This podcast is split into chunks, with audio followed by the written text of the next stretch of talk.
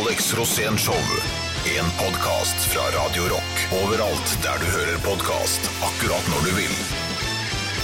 Mine damer og herrer, programleder Per Hustad og vår faste gjest Alex Rosén. Hjertelig velkommen til en eh, noe spesiell variant av Alex Rosén-show. Det er koronageddon. Ja, og programleder er Pedro Gianfranto Loca de la Hustado. ja, ja. Og det som er spesielt, som vi må si da til våre lyttere, grunnen til at vi kanskje høres litt ulike ut, er ikke pådratt smitte. Det er at vi er i hvert vårt fylke. I karantene. Vi er satt, jeg, jeg er satt i selvpålagt karantene, mens du har faktisk fått karantene. Eh, Ja, og det jeg kom i skade for å dra på heisatur til London akkurat da jeg ikke burde ha gjort det. Altså sånn rett før Første som skjedde da jeg kom hjem, det var at Bernt Høie sto og vifta med fingrene på TV og sa at eh, har du vært utenfor Norden nå, da er det rett hjem. Han er svimmel, han Bernt Høie. Altså, I går så råda han folk til å dra på shoppingsenter, og det tror jeg ikke du skal gjøre. Nei, det, er, det kan fort gå litt i surr for dem. Ja, Uansett hvor sosial man vil være, så ikke gå på shoppingsenter nå. Hold dere hjemme, fordi at det er der dere blir minst syke. Ja, ikke sant. Men, eh, men du, Alex, er du frisk? Eh, Ja, jeg er frisk nå, eller jeg føler meg jo egentlig alltid litt syk. Ja, for Men du har ikke hatt sånn- Du har ikke hatt noen symptomer, du? Eh, Jo da, jeg har hatt masse symptomer. Men eh, jeg har jo hatt det stort sett hele livet. Ja. jeg vet ikke hva det er symptomer på. Nei. Men eh, i hvert fall nå i det siste så har jeg hatt eh, symptomer til sår hals. Ja. Og vondt i bryst og sånn. Og da Jeg kom meg egentlig aldri til legen, da, for jeg har jo sånn legeskrekk. Ja. Så jeg blei liggende hjemme. Og det varte i ca. to uker. Okay. Så jeg hadde én uke med litt sånn halvdårlig, og så hadde jeg et par dager feber. Og så kom jeg sakte, men sikkert til meg selv igjen. Ja. Men det kan jo ha vært hva som helst. Altså. Jeg tror ikke det har vært korona. Altså. Hadde jeg fått korona, så hadde jeg fått nervesambrudd. ja, fy faen. Men altså, det er jo fælt, eh, dette her. Eh, Ja, ja, ja, det er litt horrorfilm, men eh, det er sånn som alle horrorfilmer har jo på en måte happy ending. Ja. Har du, hva har du Altså Vanligvis vet du, så opplever jo du alskens rariteter, og bare gått en uke siden sist, så kommer du opp med en eller annen drøy historie. Men har du ellers vært innblandet i noe høydramatisk siden sist, du, eller? Ja, det eneste er jo dette her, disse her eh, Hva skal jeg si for noe? Disse symptomene, da. Det var jo dramatisk oppi hodet mitt. For at jeg sto jo og hosta blod her en stund, og da Hva? tenkte jeg det at eh, Ja, ja, ja. Jeg, hadde, jeg trodde jeg hadde pussa tenna veldig iherdig, og derfor så var det blod. Men det må ha vært fra halsen, altså. Så jeg var jo litt sånn overnervøs akkurat da. Eh, Men så plutselig så begynte jeg å kvikne til igjen og bli frisk, og da følte jeg det at eh, da er alt greit igjen.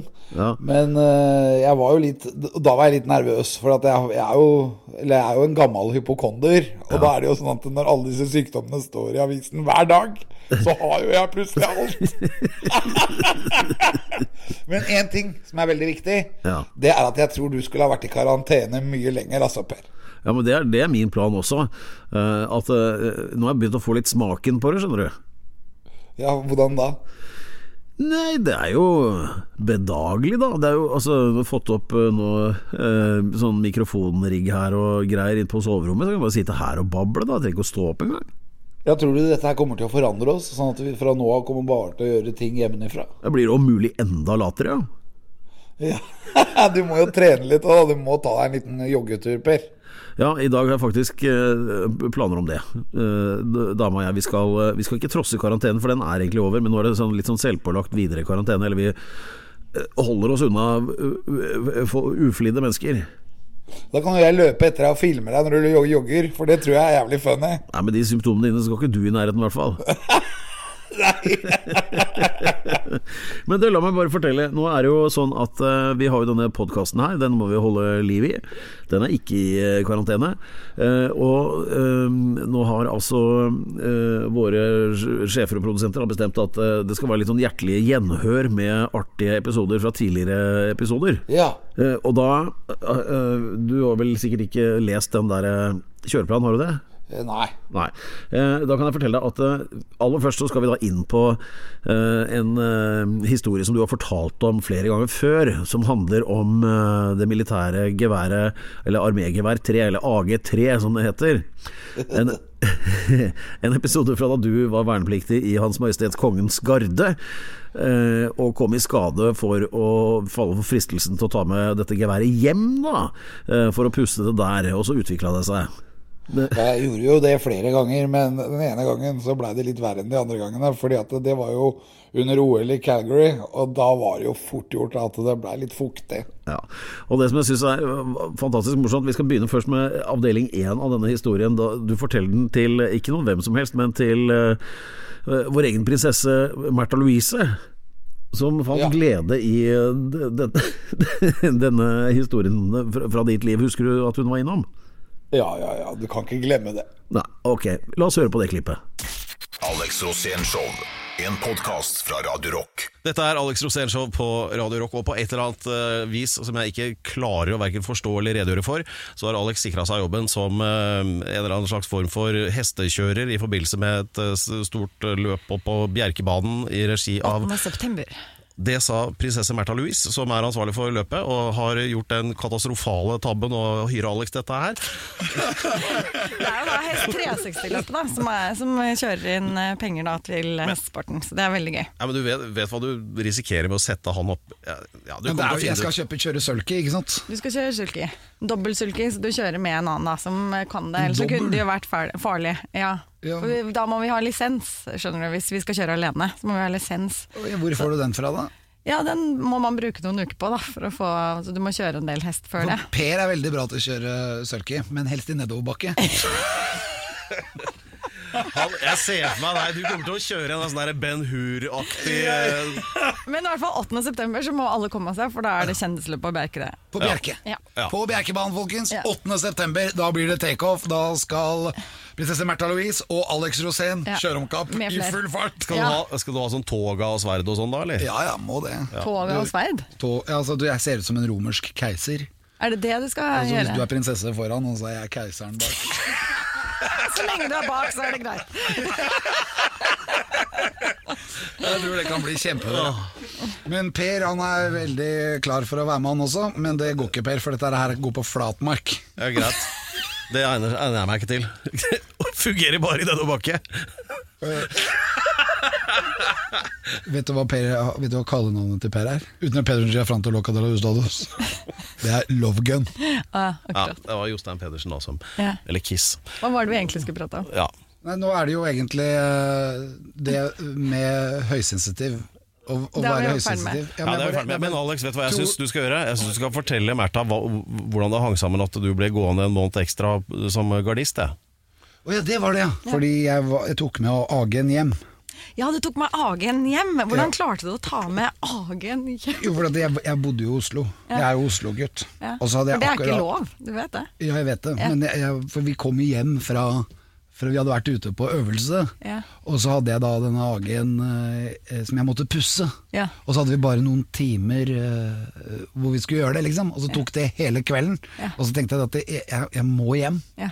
Og da kan jeg pusse den hjemme. Ja. Så jeg stappa den inn i sekken, Ja. og så delte den opp i deler. Tok den på T-banen og kjørte hjem. Jeg bodde på Ulven da. Ja. Rett ved Vold og Hovin. Og så kom jeg opp der, da, så sitter jeg og pusser hagen, og så hadde jeg jo bare dårlige venner. ikke sant? Bare sånne punkere og rockere. Og de hadde jo aldri skutt mage før, ikke sant.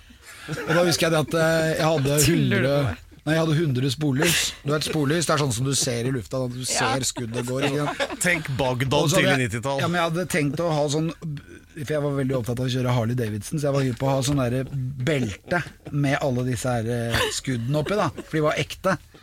Og så hadde jeg en sånn venn da som skulle absolutt teste den hagen. Så jeg nå, nå må du ikke gjøre det her, for at nå er vi på Ulven. Og så sier han jo jeg må skyte Alex, bare få skyte en gang da. Ok da, en gang. Og så sier jeg, da må du skyte ned i den sandkassen her, for det var en sånn barnehage utafor der. Og der var det sandkasse.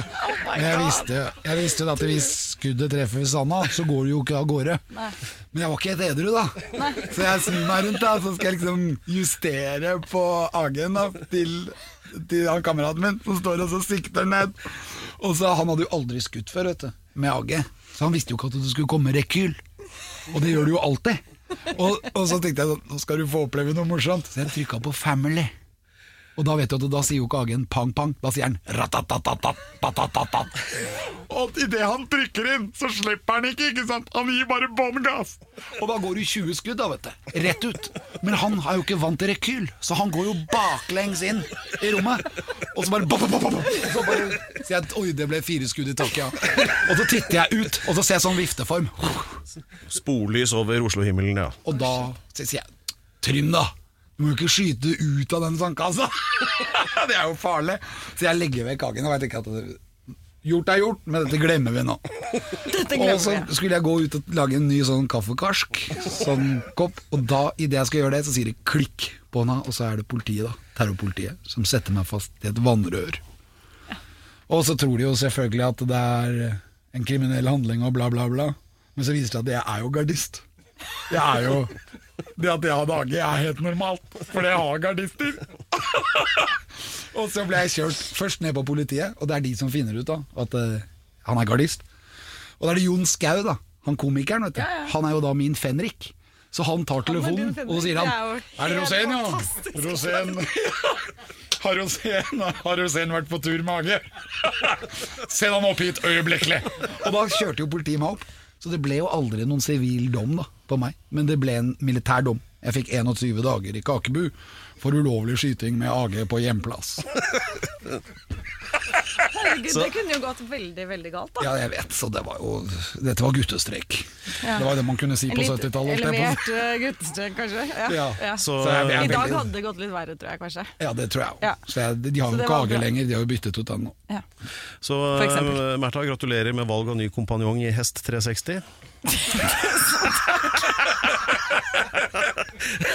Så lenge Jon Skau har kommandoen, så er jeg ganske trygg. Jeg tror du skal ta med han òg. Ja, det var eh, selveste prinsessa som eh, eh, skulle da ut og Ja, hvordan gikk det med det hesteløpet, forresten? Jeg elsker prinsesser. Ja, men ja, og hesten er ikke så nøye med. Uh, Nei. Men det var veldig fine hester òg, altså jeg må si det. Det var jo svære travehester. Dette. Det er jo ikke små hester, det. altså Det er store hester. Nei. Eh, La meg bare minne uh, våre podkastlyttere om at uh, det er korona spesial. Uh, vi sitter på hvert vårt kott i hvert vårt fylke, Alex og jeg i dag, og derfor er det litt sånn rar lyd. Og vi har litt sånn tilbakeblikk på tidligere gjester, siden vi ikke har lyst til å smitte nye gjester med noe som helst. Eller at, rett og slett at ikke de skal smitte oss, da. Det vi egentlig tenker på. Du har jo blitt ganske tett i nesa nå. Ja, ja, jeg eh, er litt tett i nesa, men jeg tror ikke jeg ja, Glem nå det. Eh, vi hørte jo til slutt her at eh, prinsesse Märtha Louise, Louise sa at eh, hun følte seg litt tryggere på din militære deltakelse så lenge Jon Skau var din, eh, din befalingsmann. Ja, han var, Av en eller annen underlig grunn så var han min sjef i militæret. Ja, Det der er jo umulig å skjønne hvordan det hang sammen. Men det vi gjorde for en tid tilbake, det var at vi fikk jo da Jon Skau til å komme ned. Sånn at vi kunne komme til bunns i hvordan dette egentlig eh, var. Skal vi ikke ta Ja, Jon Skau, altså. Ja. En av Norges aller beste standupere. Ja, absolutt. Med både størst bredde og størst dybde. Og Kan vi ikke ta et klipp nå, Alex, bare høre hva han egentlig hadde å si om det der? Jo, la oss gjøre det. Alex Rosén Show. Nå tilbake til eh, da eh, Alex eh, trakk i kongens klær for å beskytte landet, og gjorde det bl.a. ved å ta ved Agen hjem, og, og for å undersøke funksjonaliteten på denne, sendte et kuleregn over Oslo i en god del spollys.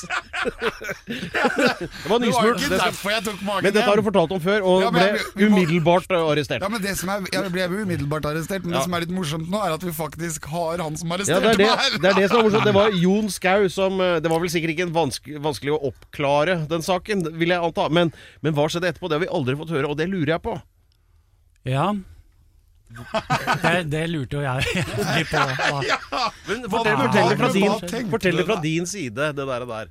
Hva skjedde? Ja, altså det, Jeg må bare si altså, Jeg har jo egentlig taushetsplikt på det her. Oi, Cosmic Top Secret. Eh, Jeg er ikke helt der, men nesten. Ja, Det er fordi at eh, Altså, jeg, jeg tipper faktisk at uh, Trump veit om den incidenten der. ja, for, men jeg Vi har blitt stoppet noen ganger ved innreise i USA. Ja, nemlig. Det, det, det var liksom Nei, jeg fikk egentlig beskjed om at det var en eller annen i troppen min som var For du, det var jo sivilpoliti som kom og henta deg. Ja, terrorpoliti. Nemlig. Og, og så begynte, det, å- begynte jeg å få litt informasjon da, om at det handla om skyting i Oslo. Og jeg var litt sånn Det er jo drøyt, da. det, det som er litt morsomt, var at en av de tingene jeg ikke vurderte, var 'hvem kan det være'? Det tenkte jeg på. For det visste jeg. Det Jeg skjønte det må, det må være Alex. Det er, det er ingen andre i troppen min som hadde vært i nærheten av det, liksom. Um, Ja, du blei sjokkert, du ble skuffet. ja, altså Ble du skuffet? Man, altså, Nei, altså jeg ble egentlig Jeg syns det var ganske trist. For at det, det jeg fikk beskjed om, det var at dette er jo sivil sak, ikke sant. Så kommer på sivilt rulleblad og dritt og møkk. Så jeg prøvde egentlig Bare for altså, å ta det veldig kjapt, jeg hadde tatt med Agen hjem, for jeg gadd ikke å puste den i, i, i, i Ja, du skulle puste ned i helga. Jeg skulle på pussen i helga, tok med den hjem, og så hadde jeg med Vi hadde vært på skyteøvelse på, på Hurdalssjøen. Ja. Og der hadde jeg med meg 40 sporlys som jeg skulle lage sånn der rockebelte av, for jeg skulle ha sporlysene hengende rundt. da Og når jeg satt den, Dette var jo OL i Calgary i 1988. Ja, jeg så Og så på Jeg så skiskyting. på skiskyting, og så skulle jeg vise uh, Trym hva de skøyt med når de kom fram til standplass. Og han er jo han er jo sivilist, altså han var jo militærnekta, hadde aldri skutt med noe. Og så sitter han der etter litt sånn Etter å ha tømt en halvflaske med med moonshine, altså med hjemmebrent, ekte trøndersk hjemmebrent. Så skulle han prøve denne Agen, og så stakk han og så sa jeg nå må du sikte ned den sandkassa, det var en sandkasse utafor huset der. Ja. Og så fikk han til å sikte ned den, og så, og, men så var jeg jo ikke helt edru sjøl heller, da. Så så jeg at det sto på enkeltskudd, og så klikka jeg det over på Family, og det var jo det som var det dumme. Fordi han dro jo ikke ut avtrekkeren igjen. Han dro jo hele det, altså alle 20 skudda ut av, ut av den sandkassen. Ja. Men han hadde jo ikke tenkt på at det ble rekyl, så han gikk jo inn gjennom rommet. Og da titta jeg ut, og da så jeg den vifteforma over byen. Ja. Og da Jeg veit hva jeg kjenner nå. Jeg er enda mer nervøs nå enn første gangen jeg hørte den stemmen. Ja, hva, hvor, kan du, li- litt, Jeg kjenner noe skikkelig sug i magen, liksom. Det men litt, eh, litt teknisk informasjon her. Et prosjektil, et sånn 7,62 mm prosjektil fra en eh, AG3. Hva var rekkevidden? Er det 4 km ca.? Ja, 3,5-4 eller, km. Ja. Spør hvilken vei du Det skyter. er jo relativt dødelig eh, ammunisjon vi snakker om her. Ja, Ja. det, det er det. Ja. Det er det. Altså, det er jo Ok, men, men så tilbake til eh, eh, Du, du får telefon eh, og, Ja, jeg får telefon, og at på en måte At han skal i, liksom i, i varetekt hos oss, da. Altså i, Ja, jeg blei jo overført. Jeg, jeg kom jo ned på Grønland politikammer, Ja. og så, sa jeg, og så hadde de hadde gevær og alt sammen, og så, så sier han fyren Ja, men du er jo i militæret, du. Og da hadde jeg sagt det 100 ganger. Jeg har jo Ja. sagt det 100 ganger! Men jeg trodde dem ikke i begynnelsen. Og så sa de ja, vi må bare kjøre deg opp til Garderleiren. Ja. Pang, inn i politibil, og så ble jeg kjørt opp dit. Og der leverte jeg inn AG-en min i, hos vakthavende, og så ble jeg bare losjert inn på det bakrommet bak vakthavende, for der er Kakebo! Ja, nemlig. Det var liksom rett inn der. Og så tok det ikke lange tida før du kom inn, da. nei. Alex, hva er det du har gjort nå? Ja. Ja, dette er jo eh, spesielle omstendigheter i Alex Rosénshow. Det er koronaspesial. Uh, jeg er eh, på eh, ubestemt sted i Oslo, dvs. Si hjemme. Eh, Alex på sin side er i Viken, som fylket ditt heter nå, er ikke det? Det er vel det i Bærum? Du er så vidt Du er 100 meter over grensa, er du ikke det? Ja, eller 70 meter da i luftlinje, men 100 meter hvis du skal gå. Ja. Så jeg bor omtrent i Bærum, da. Men det er jo Viken det heter sånn på fylkesavdeling. Ja. Viken, det het jo i riktig gamle dager, og derfor så ble jo folk som kom herfra kalt for vikinger. Der kommer det ordet fra. Helt riktig. Ja. Det er fordi at Oslo og Viken er samme sted omtrent. Så, Ja. Eller Viken er jo da Oslofjorden. Ja. Så de drev og tok sånne Viken-seilaser over til England og sånn, da. Ja, de gjorde det. Og derfor har vi også ordet Viken. Ja, sånn er det. Er du fremdeles symptom- og smittefri der borte? Ja, ja, ja. Aldri vært bedre. Det er nesten uforskammet. Jeg kjenner at jeg blir litt tettere i nesa av å snakke med deg. Ja, ja, selv om vi sitter flere kilometer unna hverandre. Er skumle saker. sånn er det. Nå har jo du vært tett i nesa ganske lenge. Så Ja. jeg syns jo du har hatt altfor lite karantene, egentlig. Ja, jeg burde hatt det oftere. Jeg liker det. Ja, jeg har lyst til å sette deg i karantene rett som det er. Ja, for- guds skyld, gjør noe med det. Eh, men en annen da som eh, drev og tok eh, turer over til de britiske øyer for lenge siden, det er jo en annen gjest vi hadde tidligere. Vi har litt sånn tilbakeblikk i dag. Da tenker jeg på Stein Groven. av Casino-stil. Riktig. Der har du en fyr med mange røverhistorier. Han er legende, altså. Han fantastisk. Det er jo Gary Holton og Casino Steel. Og han har spilt i masse bra band, og han er bare helt utrolig. En av de legendariske gjestene vi har hatt i, i Alex Rosén Show. Ja, det vil jeg absolutt si. Og noen av de morsomste historiene også. Og uh, vi tar med et klipp nå der han redegjør for uh, ja, For å kalle det det det var. Altså et neveslagsmål med Freddie Mercury fra Queen. Er fort gjort. Ja, det er fort gjort. Hvis du er rocker i London på 70-tallet, så er det sånne ting som kan skje. Er du hypp på å høre det, Alex? Ja, dette er jeg hypp på å høre, altså. Ok, vi kjører den. Alex Rosén Show. En podkast fra Radio Rock. Det er eh, rett og slett eh, Casino Stil spesial på Alex Rosén Show i dag. Uh, og uh, Stein Groven, da, som eh, vår mann heter, sitter her og prøver å huske tilbake til 60-tallet, ser det ut som. Ja, men det er litt lettere for meg nå, for nå har jeg lest boka. ja! Er, ja, Den anbefaler vi på det aller sterkeste, den boken. Og egentlig kunne det sikkert vært flere bind også, for der er det mye tette historier. Eh, vi hadde kommet fram til eh, eh, sånn eh, slutten av 60-årene, hvor det hadde altså, To Annoy and Hva var målet til bandet? Disturb. Annoy and Disturb. Helt topp. Og hva, hvordan, hva gjorde dere for å annoy and disturb da? Nei, da eh, Vi øvde og øvde Ja. skikkelig, og til slutt så fikk vi samla musikere, men så skulle vi jo se spesielle ut òg. Så vi så jo ganske knallharde ut i Hollywood Brats, eller i Queen, som het først, da. Ja. Du, En liten digresjon der. Fordi altså, Når du da sier at dere hadde et band som het Queen De fleste har vel fått med seg at det er det andre som har fått samme idé seinere? Ja, bortsett fra at vi het The Queen. Ja. Ja, det var det, Men her blei det jo en krangel om det der. der. Ja. For- Intensjonen vår var jo at vi skulle hete The Queen, for at vi kunne se for oss uh, for, overskriftene i avisa. ikke sant? The Queen thrown out of a nightclub, ikke sant? Ja, ja. Det er jo veldig The bra. Queen uh, drunk at the airport. Bra idé. The Queen er løs. Men er det, er det sant at du har vært i slagsmål med Freddie Mercury om det navnet? Det som skjedde, var at i 19, september 1972 så spilte vi første spillejobben vår på Marquee. Ja. Og da het vi The Queen. ja. Og da kom en Freddie Mercury bak eh, scenen og skulle forlange at vi hadde, skulle forandre navn. da For at de hadde nettopp fått platekontrakt, og de eh, het Queen, så Ja. vi måtte forandre navnet. Men da hadde vi egentlig, som han ikke visste, vi hadde allerede bestemt oss for at vi skulle skifte navn til Hollywood Brats. Oh, ja. Men vi nekta jo selvfølgelig overfor han. Ja, han ikke ja, skifte noe navn på den tullingen der. Og så kom han, og så var han hissig, og øh, han forlangte at vi skulle få noe, øh, skifte navn.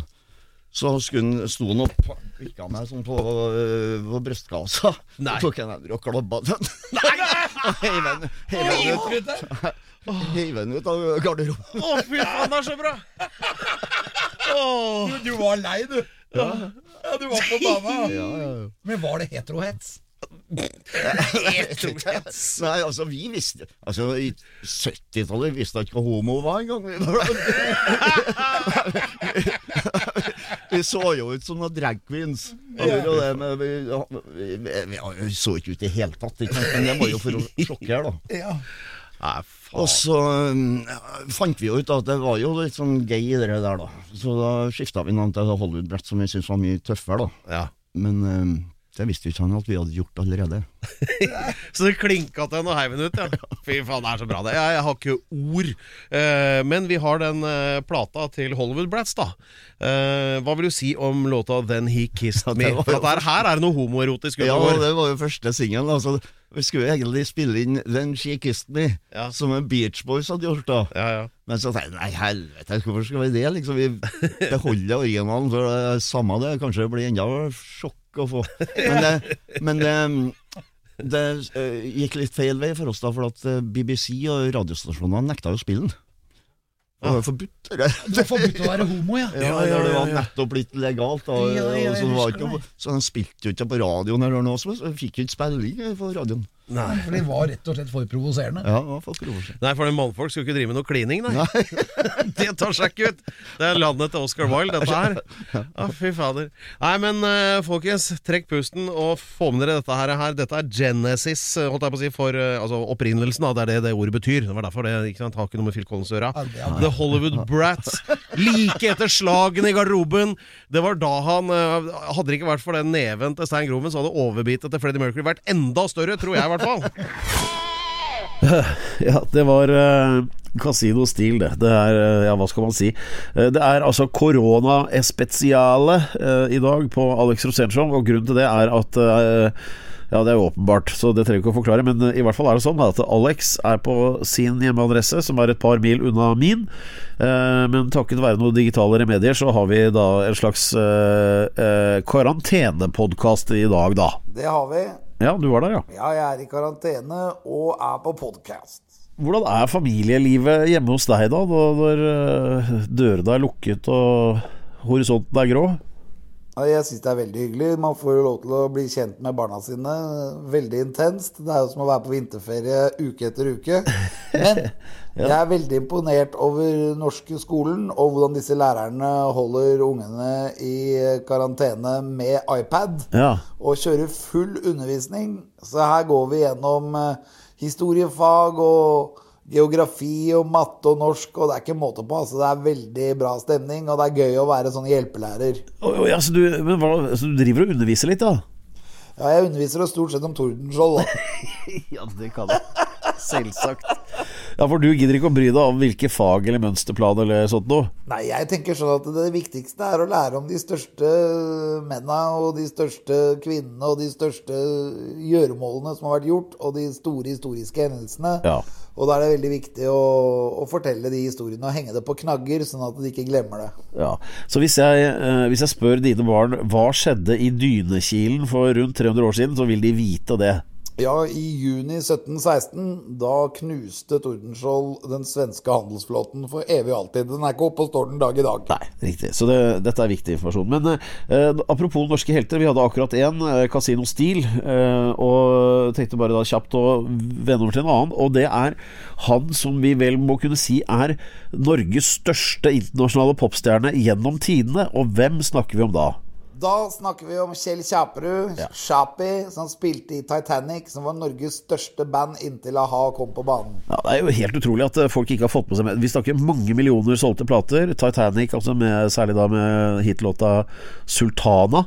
Eh, ikke så mange som vet om. Dette er 70-tallet vi snakker om nå, men det er altså et enormt platesalg som har gått de fleste hus forbi. Ja, og Kjell Kjaperud, han spilte kongas. ja, det gjorde han. Og det gjør han enda. Ja. Og det gjør denne. Og han er glad i meg, og han lever, og han er helt fantastisk. Ja, Han får litt mosjon på perkusjon fremdeles. Så, eh, og ikke minst så stikker han innom oss innimellom, da. Og da la oss eh, hedre Kjell. Eh, nok en gang med et lite gjenhør, for det er det vi holder på med i denne episoden her av denne koronapodkasten. At vi hører på litt sånn klipp fra nå og da. Og jeg syns jeg husker, Alex, hjelp meg nå. Altså, han var jo innom eh, halvår siden eller noe og fortalte om da de hadde hatt en konsert i Zürich, og da endte han inne i en hotellresepsjon på motorsykkel med seks-sju andre Hells Angels-biker eller noe. Var det ikke noe sånt? Jo, det var akkurat sånn det var. La Kjell nå fortelle dette. Alex Rosén Show. En podkast fra Radio Rock. Det er en helt annen historie. Det er din uh, rockebakgrunn, Alex. Vi har besøk av Kjaperud, verdens aller største norske rockestjerne gjennom alle tider. Uh, vi har hørt uh, masse artig, men nå litt om da, en, en kinkig situasjon i Zürich med Hells Angels. Det var ikke sånn det var, Jo, Kjell? det, det, For du husker det faktisk. Ja. Jeg husker mye. Ja. Jeg husker ingenting, men du husker masse. Jeg er så glad for å være sammen med deg her i studio, Alex. Ja. Ja. Det er det, ha det er bare fint. Altså. Zürich, vi skulle spille på sportshallet utenfor Zürich. 10 000 mennesker, samme som liksom type Spektrum i Oslo-sted. Ja. Den gang på ettermiddagen, lydsjekk, eh, ramler inn en 30-40 Hells Angels. Ok. Som skal være livvakter, eller? Ja, de eh, hadde bestemt seg at de skulle være vakter. De hadde hørt om Altamont med Stones og så videre. Det var noen år før, da. Men, eh, Ja, for det gikk jo så de kjempebra. skulle, ja, det gikk jo kjempebra. Og så da skulle de da skulle Det gjorde de- jo ikke, det var jo en mann som ble drept. der. Ja, ja, ja, ja. Riktignok han som er drept, tok fram en gunner da, der, men uh, Han ble drept. Men nok om det. Og da var det, var det da, På en eller annen merkelig måte, alle sånne folk spurte alltid etter meg. Ja. Who is, Where is who is, ja, who is Chappie? Så sier jeg det er meg. Yeah, you come talk. Ikke sant? Så snakka med gutta, og sier de ja, vet du hva, vi skal være vakter Han sier vet du hva, det er vakthold her. Det er utsolgt øh, hus. øh, vi har jo ikke noen vakter. Og iallfall ikke dere. Jeg sa det rett ut. Ja. vi skal være vakter. Kom, skal vi ta en røyk. Nei, jeg røyker ikke før jeg går på scenen. Jeg liker ikke det. Jo, nå skal vi iallfall ha en røyk. Så var det backstage med han der sjefen og fire-fem andre, og så var det bare fram med verdens største Jeg bare gjør Røyk. Ja, Verdens største røyk. Ja, verdens største røyk. Og så var det på scenen, da. og da Scenen var to og en halv, tre meter høy. Det var ikke noe sånn gjerde foran, så publikum normalt sto helt opp til oss. Og greip etter beina våre og prøvde å dra seg av scenen og skreik og hoia. Ja, ja, ja. Der sto det drag med 30 Hells foran scenen i armene i kors, ikke sant? Med, med kjettinger og så for jævlig ut. Ikke sant? Så publikum sto jo 30-40 meter bortover. De var livredde, ja. De var livredde. Ødela jo hele konserten, sa tullinga. ja.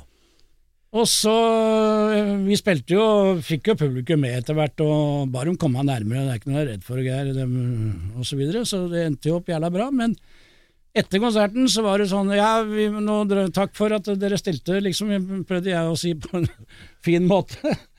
Jeg syntes det var jævla kjipt, egentlig. ikke sant? Og så sier han fyren ja, sitt hva med oss, da. Vi kjører til hotellet. Nei, limo utafor. Plateselskapet, vi skal Nei, nei, du sitter på med oss. Ok. Så ble det på sykkelen til han sjefen, og så var det 30 sykler innover til Zürich, og så var det inn i Kommer fram til eh, hotellet vårt. Eh, kjører han fyren hvor jeg sitter bakpå med tre-fire andre sykler, inn i resepsjonen. Ok. Inn i resepsjonen på hotellet. Innendørs. Det tok fem minutter, så sto det fem politibiler utafor. Så tenkte jeg oi, dette blir fint.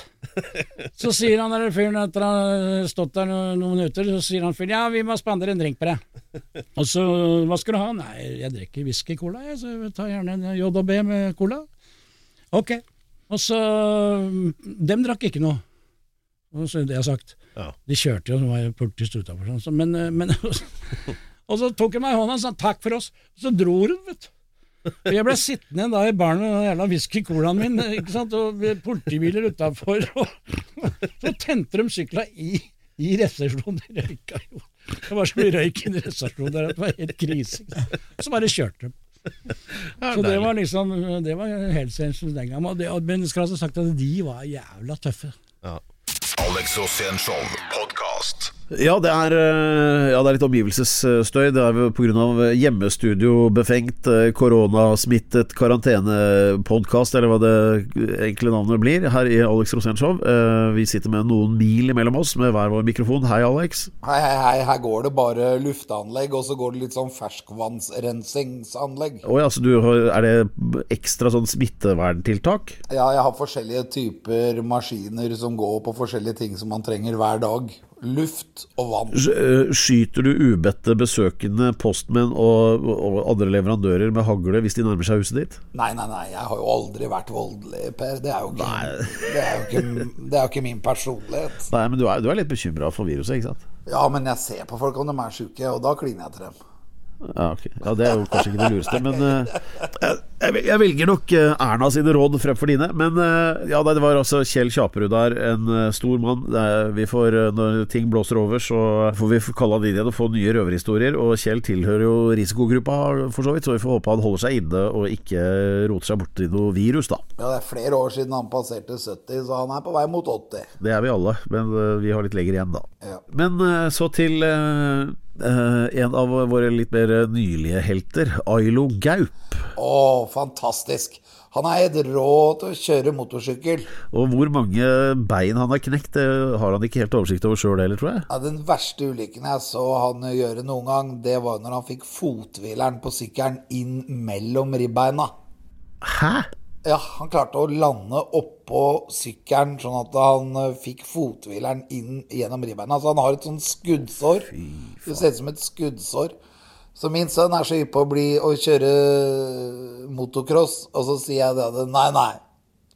Det blir ikke noe av, altså.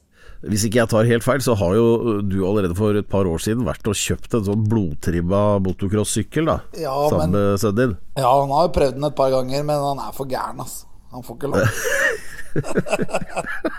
Og da, da hørte jeg også, En vanlig moped da er 2,5 hestekraft. Ja. Og den dere kom tilbake med da, den hadde 36, hva- stemmer ikke det? Jo, det var noe sånt. Ja, Og da, hvor gammel var sønnen din da? Ja, da var han fem. What can possibly go wrong?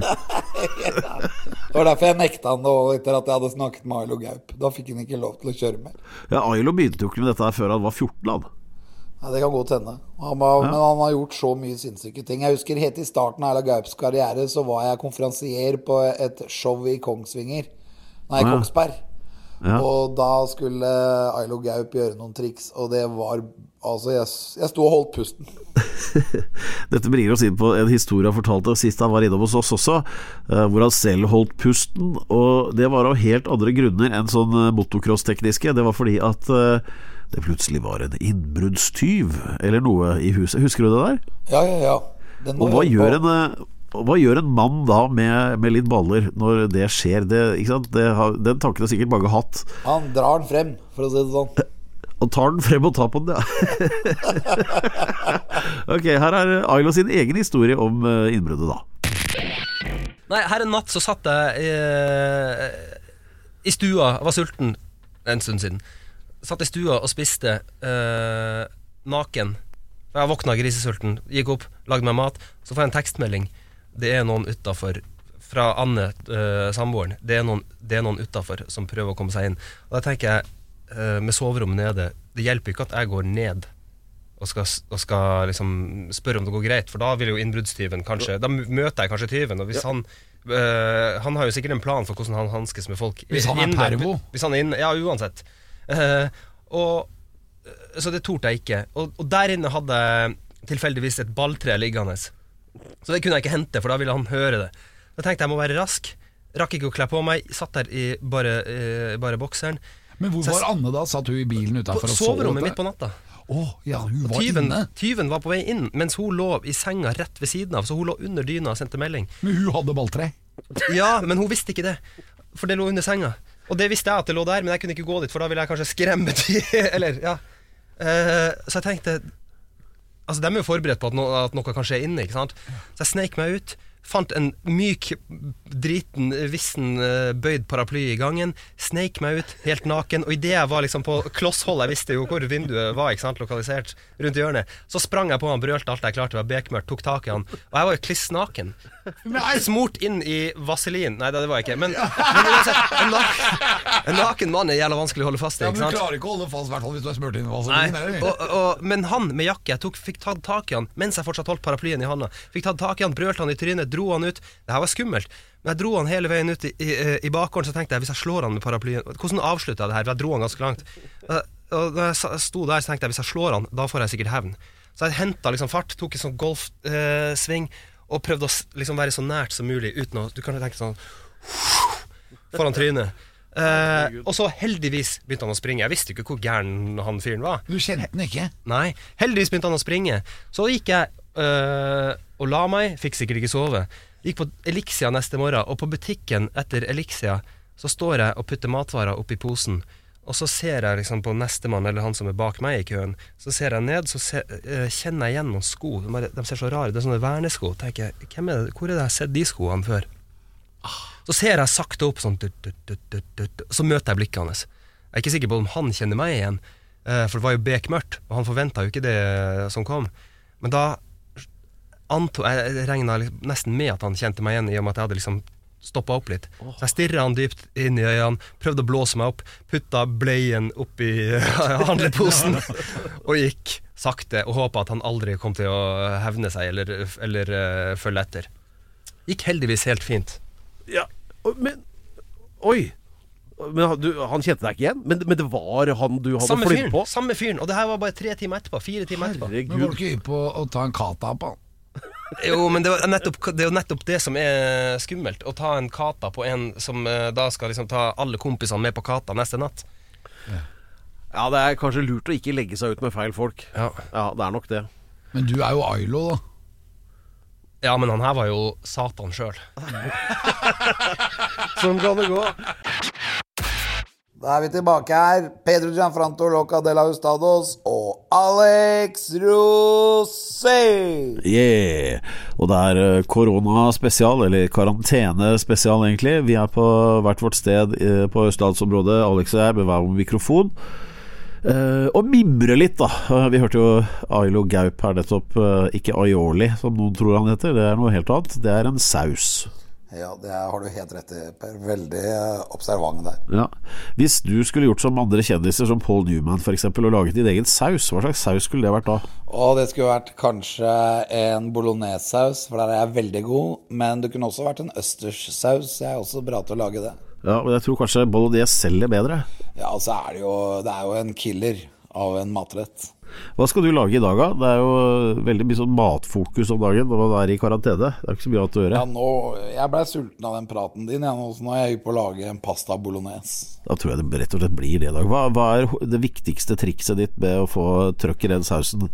Det viktigste trikset er jo, når det gjelder sausen, det er å starte opp med gulrøtter og starte opp med selleri. Og så, og så steke det sånn at det blir sånn gyllent og fint, og så ha oppi litt løk. Og så kommer vi til det viktige punktet. Det er nemlig når du heller oppi ett glass vin. Og det kan være hvitvin, eller det kan være rødvin. De setter hver Du skal helle det oppi, oppi sausen og ikke gi deg selv? Ja, det, men jeg kan godt ta en liten slurk, jeg, og det dreper jo bakterier i halsen. Så Ja, ja, ja. i disse koronatider er det jo greit med litt vin som munnvann. Ja. Men i hvert fall få et glass vin eh, oppi sausen, og så eh, påfører vi kjøttet etter hvert eh, med disse grønnsakene. Men steker du, steker du kjøttdeigen før du har det oppi sausen? Nei, Nei, Den skal bare kokes på et vis. den skal kokes sammen med denne For du skal, det er viktig å holde fettet i kjøttet åpent, sånn at ikke det lukker seg. Hvis du steker kjøttet, altså rein kjøttdeig, så har jo da metta fett i kuen en sånn her dårlig tendens til å lukke seg, og da vil det bli mektig. Så hemmeligheten er å, å koke kjøttet akkurat sånn som eh, det blir kokt med olivenolje og disse grønnsakene.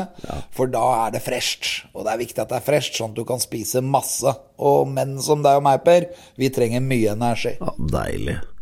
Ja, eh, ja, det var ikke lenge til matkjede her. Men du, eh, eh, la oss bare ta med én kort eh, liten story til. Vi har tid til det i eh, denne uh, koronakarantenepodkasten vår.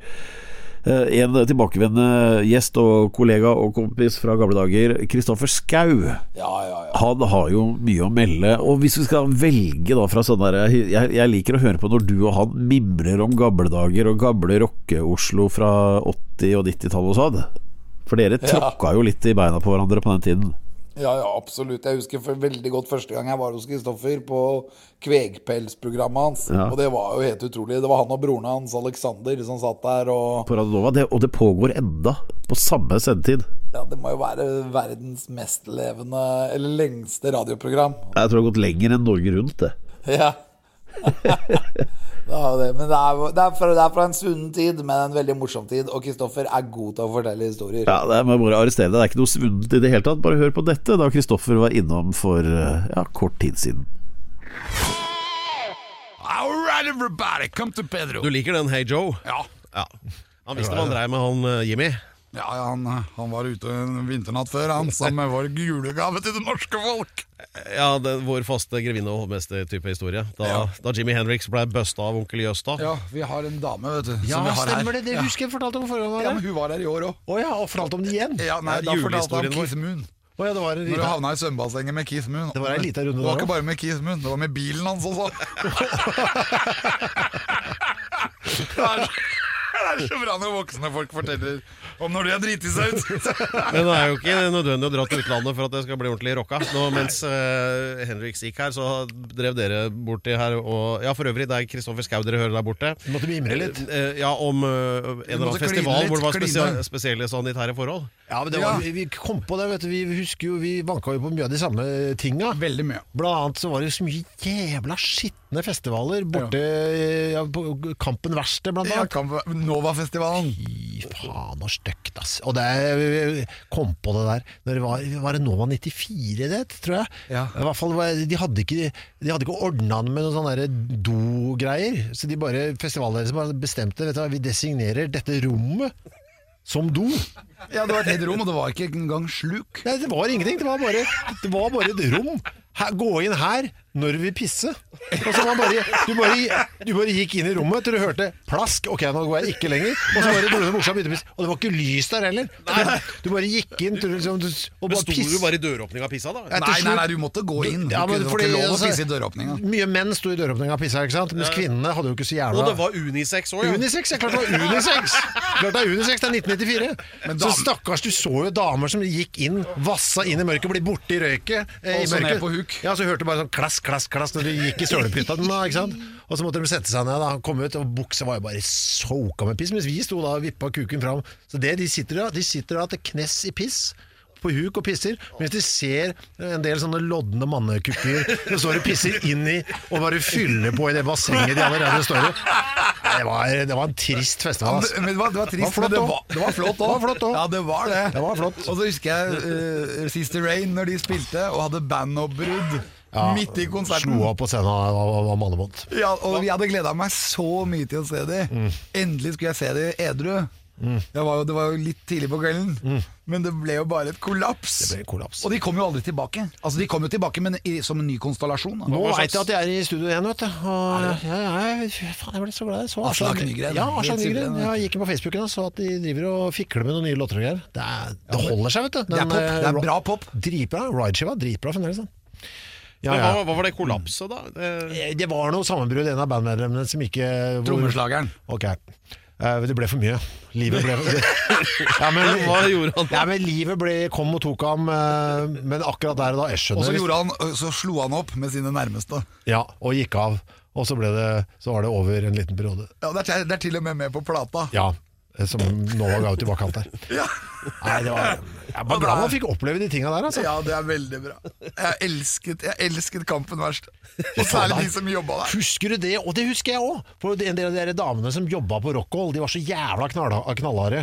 Og så hadde de fått en liten sånn der kvinnesaksstreak. Så jeg husker de insisterte på å pisse stående etter hvert. Det skjønner jeg òg. Når, de- når de ikke fikk lov til å pisse inne i rommet. For det husker jeg når så to av de bartenderne fra Du, du måtte løfte. Jeg vet da faen hva de drev med. De Det var noe bra øh, håndarbeid der, i hvert fall. For de sto opp mot veggen og pissa som menn ved siden av oss der. Jeg tenkte jøss, nå faen, det er mye. Da ble jeg stolt over å ha vanka der en Ja, jeg òg. Alex Rosén Show. En podkast fra Radio Rock. Ja,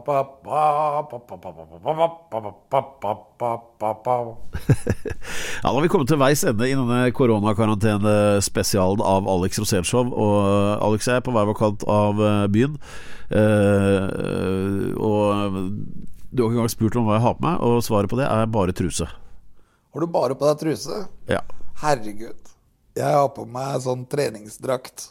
Jaha. Solbriller og treningsdrakt. Og så ligger jeg her foran Jeg ligger på, i mancaven min foran svømmebassenget og koser meg. Å, fy faen, det er deilig. Ja, jeg skal ikke være Skal ikke skryte. Jeg ligger i senga, jeg.